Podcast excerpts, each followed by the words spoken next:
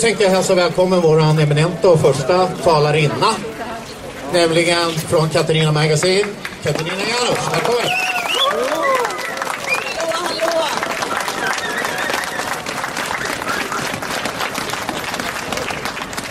Vad roligt att se att ni tog er hit trots regn och rusk och första advent.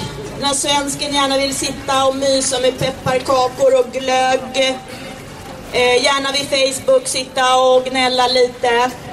Jag tycker det är modigt och tufft av er att komma hit. Eh, vi behöver samlas i mycket högre omfattning på gator och torg för att visa vårt missnöje med hur Sverige sköts eller vansköts, eller hur? Jag tycker vi ska visa det högljutt. Titta på fransmännen. Kan fransmännen så kan väl svensken? Jag tycker att det är nog nu med att köra över folket. Tycker inte ni det? Vi som är folket, vi som är skattebetalare, vi som är medborgare i Sverige. Vi ska inte hunsas runt som boskap som ingenting är värt. Eller hur? Vi måste höja våra röster, för det är faktiskt vårt ansvar. Vi kan inte förvänta oss att någon annan ska göra det. Det är faktiskt upp till oss hur det här landet ser ut. All offentlig makt utgår från folket. Det är ni som är folket, det är vi som är folket. Så här är det. Den 10 december så ska Sverige tillsammans med många andra länder skriva under ett avtal som eh, heter eh, migrationsramverk eh, som FN har tagit fram och som eh, handlar väldigt mycket om migration i världen. Eh, Sverige är ett av de länderna i världen, eller i alla fall i Europa, som har tagit emot flest eh, eh flyktingar per capita och som fortsätter ta emot flest i Skandinavien och som har betett sig oerhört ansvarslöst i de här frågorna gentemot sitt eget folk men även gentemot flyktingar som man har tagit hit. Man har inte haft någon plan, man har inte haft någon analys, man har gjort så att det här landet i princip har utsatts för oerhört stora påfrestningar, jättestor stress och människor far illa idag. Vi ser dagligen konsekvenser av det här ansvarslösa beteendet och nu kommer Sverige gå med på det här migrationsramverket vilket kommer innebära ännu fler påfrestningar för Sverige. Man säger att avtalet inte är bindande men många av de här avtalen blir på ett sätt tvingande därför att man har på något sätt förbundit sig att gå med på det här. Och just frågorna om yttrandefrihet är oerhört viktiga. Det är många alternativmedier som hotas av det här. Därför att vi som är kritiska mot hur systemet sköts och hur migrationspolitiken ser ut. Vi kan komma att tystas, vilket vore helt förödande för den fria debatten. Och det pågår redan nu ett oerhört svek från mainstream-medierna mot folket. Har ni noterat det? Ja! Sen länge. Förr så var ju medierna till för att granska makten åt folket. Nu sätter man dit folket för att gå maktens ärenden. Det är inte okej. Okay. Jag månar väldigt mycket om kvinnors trygghet, men kvinnors trygghet är fullständigt satt ur spel i Sverige. Inte sedan Birger Jarls kvinnofridslag så har det varit så här illa i Sverige för kvinnor och flickor och för barn, för alla svaga utsatta grupper för gamla, för de som inte har resurser att ta hand om sig själva. De rika, de sitter i sina reservat, de kan vara politiskt korrekta, de har råd med det för de kan köpa sig vakter, stängsel, de kan flytta utomlands, de har råd att skydda sig. Men de som är utsatta, det vill säga de flesta medborgare i Sverige, de har inte råd med det.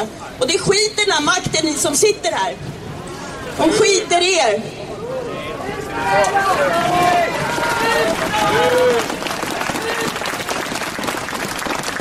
Jag skulle vilja se demonstrationer varje dag, överallt i Sverige, för att visa vårt missnöje. Jag ser det här missnöjet på sociala medier, men det räcker inte för så länge vi håller oss lugna och sitter på sociala medier så kommer inte de som har makten att förstå att vi inte tycker att det de gör är okej. Okay. Förstår ni? Ja! Därför så tycker jag...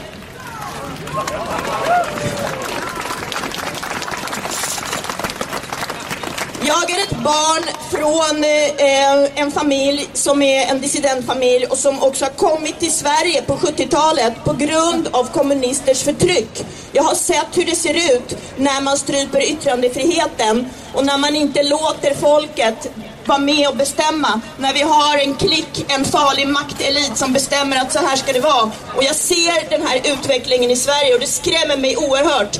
Inte bara mig, utan det finns många andra invandrare som har kommit till Sverige för att fly från diktatur. Och så ser de att diktaturen, den håller på att utvecklas här i Sverige. Förstår ni vilken farlig utveckling det är? Ja! Man tar hit människor som inte alls respekterar demokratin och som utnyttjar vår snälla, mjuka, milda, vänliga och eh, tillitsfulla demokrati till att införa icke-demokratiska metoder. Och det är oerhört farligt. Det hotar er alla. Det hotar oss alla. Och därför är det viktigt att vi står upp för det här, för det fria ordet och för att säga ifrån.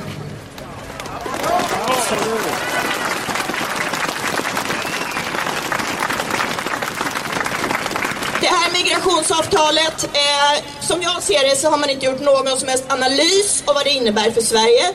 Man är bara med som, en, som den här dumma, strykrädda ungen i klassen som vill vara med i det stora tuffa gänget och som är, är beredd att ge bort allting bara för att vara med. Så agerar nu Sverige. Sverige, istället för att vara en tuff och självständig nation, böjer på nacken åt en eh, organisation som FN som idag inte alls är som det FN som jag lärde känna när jag var yngre. Som har blivit en eh, sammanslutning av olika länder som är diktaturer och där Sverige böjer på nacken, accepterar saker som vi inte borde göra. Och där man inte heller har tagit hänsyn till sitt eget folk för att fatta de här besluten.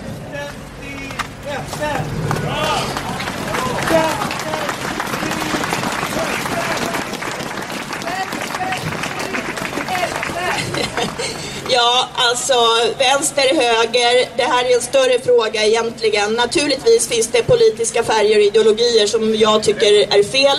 Men det här är dock en fråga som egentligen skär genom hela samhället oavsett vad man har för politisk färg. Det här påverkar oss negativt. Man slösar med skattemedel. Bara igår skrev jag om att det i Göteborg finns ett HVB-hem där man lägger 2500 kronor per afghan per dag 450 000 kronor för en månad för sex stycken afghaner varför hälften är kriminella, och, eller hälften, några i alla fall. Och de är inte barn. 450 000 i månaden. Förstår ni hur många hemlösa som skulle kunna få eh, tak över huvudet och mat för de pengarna?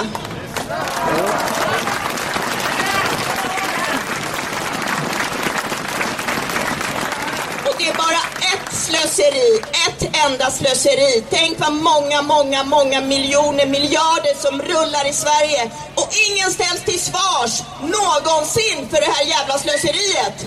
Det är fruktansvärt. Jag vill se den här typen av sammankomster, demonstrationer, fredligt men massivt på gator och torg tills det här landet börjar komma på rätt köl. För just nu är utvecklingen helt fel. Och se bara på dessa inkompetenta människor som sitter här som på tre månader inte kan bilda en regering. Sverige flyter som ett skepp kapten. Men ni ska väntas betala. Ni ska förväntas betala skatt till detta samhälle som struntar i er, som vi betraktar er som andra klassens medborgare i ert eget land. Ni har inte rätt att älska ert eget land för då blir ni kallade rasister. Jag är inte svensk, men jag är, jag är, inte svensk av ursprung, men jag är svensk i mitt hjärta och jag älskar Sverige för jag tycker att det är ett fantastiskt land. Och jag tycker Sverige förtjänar bättre än ett gäng klåpare som missbrukar sin makt och som pissar på folket.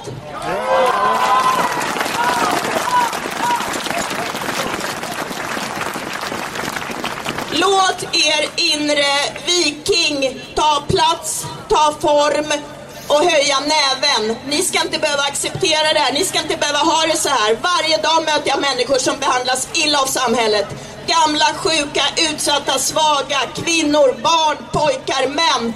Så många individer som far illa i ett land som skulle kunna vara så fantastiskt och som har varit fantastiskt, som har klarat av så mycket, som har tagit hand om sina medborgare, men som idag sviker. Och det har gått väldigt fort. Från att ha varit ett förebildsland och ett föregångsland så har Sverige blivit ett extremistiskt land i det att det skiter i sina egna medborgare. Ursäkta att jag svär.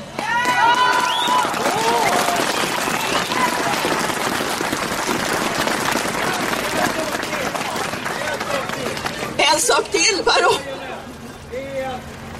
Det är så här. Ja, ja, men nu...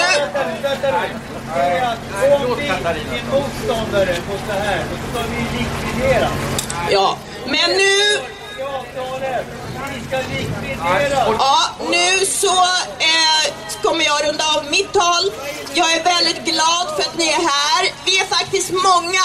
Jag tycker det är en jättebra början. Det här får inte upphöra. Det får inte bara bli en gång och sen så ska alla tillbaka till Facebook och sitta vid sina skrivbord och vara ledsna och deppiga och arga och hatiska.